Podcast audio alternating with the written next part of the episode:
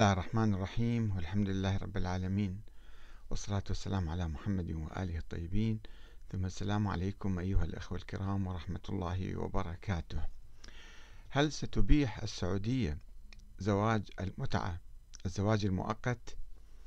وهل ستسير على خطى الشيعة؟ في الحقيقة لفت نظري آه هذا اليوم آه مقابلة للشيخ صالح المغامسي الذي هو آه إمام وخطيب مسجد قباء في المدينة المنورة. ومن المبرزين في السعودية مقابلة له على قناة الإم بي سي السعودية. يتحدث عن آه الزواج بنية الطلاق وهو يعني تقريبا يشابه الزواج آه المؤقت زواج المتعة ولكن باسم آخر. فهل هذا مقدمة لإباحة زواج المتعة في السعودية مثلا؟ أو أو لا فقط فتوى عابرة هذه. أجاز هذا الشيخ الزواج بنية الطلاق للمسافر بغرض العمل أو التجارة أو العلاج وما إلى ذلك. ورأى المغامسي في مقابلة تلفزيونية مع إم بي سي أن من خاف على نفسه الفتنة من الحسنوات في الأسواق والمطاعم والفنادق وغيرها فيجوز أن يتزوج بنية الطلاق. طبعا الصورة لها وجه آخر فيما إذا كانت نساء مثلا يرغبن بالزواج المؤقت وحدة أرملة وحدة مطلقة وحدة ما جاء حظ مثلا حتى الأمام الزوجة وتود الزواج المؤقت مثلا أو الزواج بنية الطلاق. فهل يجوز لها ذلك أم لا فقط للرجل؟ وأجاز الشيخ صالح المقامسي المغامسي لهؤلاء أن يتزوجوا ولو بنية الطلاق ولو لم يخبر هذه الزوجة لأن هذا أقرب إلى مقاصد الشرع. الآن يستخدم العقل هنا أن مقاصد الشرع تسمح بهذه الضرورة. ويقول هذا الزواج أقرب إلى النكاح الشرعي الذي لا خلاف فيه. فهو رجل يريد أن يعف نفسه. طيب ماذا عن المرأة التي تريد أن تعف نفسها؟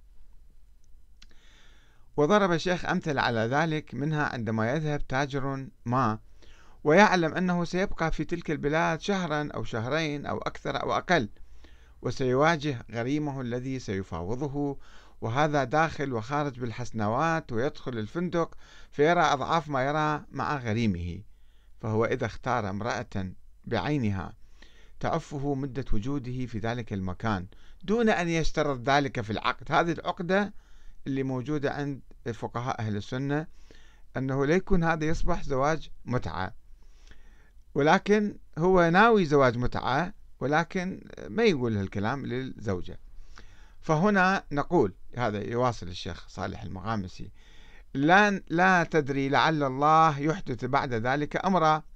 فقد تعوضه الزوجة شيئا ينقصه, ينقصه وقد تعينه على ما جاء من أجله من دراسة أو عمل أو استشفاء من مرض فيكون الزواج بنية الطلاق. هنا حسب الجمهور وحسب رأي الشيخ ابن باز متوجها تماما إلى الصحة. ما في إشكال. حتى الشيخ ابن باز كان يفتي سابقا بهذا بهذه الفتوى. وعرف الشيخ المغامسي الزواج بنية الطلاق على أنه ما يخفيه الرجل الزوج عن المرأة بأنه لم يتزوجها ليستقر معها ولم يفكر لينجب منها أولادا. طيب حتى لو أراد أن ينجب منها أولادا شنو المشكلة يعني في ذلك؟ مو شهر شهرين سنة سنتين عشر سنين عشرين سنة ممكن يكون في الزواج المؤقت هكذا أيضا يتزوجون. وإنما بيت الطلاق في قلبه لمدة معدودة. هو ناوي يخدع هاي المرأة. فقد يكون مبتعثا أو موظفا أو إداريا سفير مثلا في مكان أو يشتغل في سفارة. وهذا الشرط المؤقت الزواج بنية الطلاق. غير مكتوب في العقد. هذه أهم شيء عنده يعني. ولا يخبر به الزوجة ولا يخبر به ولي أمرها. وإنما شيء يضمره في نفسه فيما بينه وبين الله. هذا مو صار بين الله فيما بينه وبين الشيطان في الحقيقة. هذه صورة الزواج بنية الطلاق. وأفاد المغامسي في هذا الشأن أيضا بأن الشيخ عبد العزيز بن باز المفتي السابق للمملكة تبنى الجواز. وحجته حجة الجمهور من أهل العلم. بينما رأى الشيخ محمد بن عثيمين التحريم لما فيه من غش وخداع للزوجة وولي أمرها. وهذا أقرب طبعا وهذا أقرب لمقاصد الشريعة أنه واحد يخدع امرأة وخاصة لو كانت باكر كما يفعل بعض الناس مثلا. يذهب إلى بلد فقير ويتزوج بنت باكرة وهو ناوي أنه فقط شهر يقضي معها ويفاجئها ويصدمها أنه يا بطلت أريد أطلقك أنا الآن. أما اللجنة الدائمة للفتوى في بلادنا هذا يواصل الشيخ عبد صالح آه، مقامس. فكانت ترى الجواز في زمن الشيخ ابن باز اللجنة الدائمة للفتوى في السعودية. لكونه رئيس اللجنة طبعا هو ما عندهم رأي مستقل. لما يكون الشيخ يفتي بفتوى يوافقوه. لما يروح يغير فتوى مثلا يعارضوه يروح يجي واحد ثاني يغيرون فتواهم. يعني هم مجتهدين مستقلين أو تابعين لهذا آه، رئيس الهيئة أو تابعين للحكومة مثلا. حكومة تريد الآن تسوي فتوى معينة تقول يلا أفتوا كما نشاء. وفي زمن المفتي العام للمملكة حاليا الشيخ عبد العزيز آل الشيخ أفتت اللجنة بالتحريم ويقولون إنه أشبه بالمتعة مو أشبه هو أسوأ من المتعة في الحقيقة. وأخذت برأي الأوزاعي والشيخ محمد العثيمين ومحمد رشيد رضا. وتوصل الشيخ صالح المغامس في في هذا السياق إلى أن الأكثرية من المعاصرين يرون التحريم والقلة يرون الحل في حين أن الأكثرية من السلف يرون الحل والقلة يرون الحرمة. طبعا هو يتحدث الآن عن الزواج بنية الطلاق اللي بيه خداع وبيه غش وبيه لعب على النساء.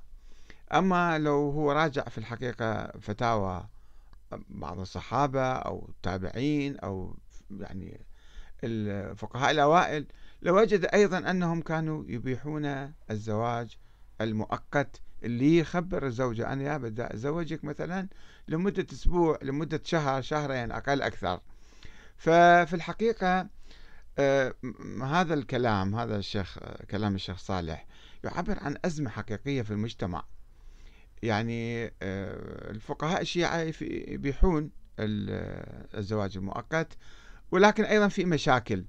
وهنا الشيخ يحاول أن يعني يعترف بهذه الضرورة ولكنه آه، يفتي بما هو أسوأ من الزواج المؤقت. فلو يعني شنو المشكلة يعني؟ لو راجعنا الأصول وراجعنا الآيات القرآنية والأحاديث وفتاوى العلماء السابقين لوجدنا أنه هذا كان مباح ولم يثبت تحريمه بنص قاطع متواتر من النبي إنما حديث آحاد لا يمكن أن يلغي آية قرآنية. أجمع المفسرون الأوائل على أنها نزلت في زواج المتعة المؤقت. ونأمل أن هذا الموضوع ما يصبح موضوع تشهير بين السنة وبين الشيعة وبين الفقهاء وأولئك الفقهاء وإنما لابد أن يجتمع العلماء المعاصرون من كل المذاهب ويبحثوا آه هذا الأمر آه كضرورة من ضرورات المجتمع الآن في طبعا آه صور عديدة أخرى لم يذكرها الشيخ. مو فقط واحد مسافر أو واحد كذا ربما حتى في بلده يضطر أن يتزوج زواج مؤقت. فيصل هؤلاء العلماء إلى فتوى مجمع عليها بعيدا عن التشهير ويعني الاستخدامات السياسية الإعلامية لمحاربة هذه آه، الطائفة أو تلك. والسلام عليكم ورحمة الله وبركاته.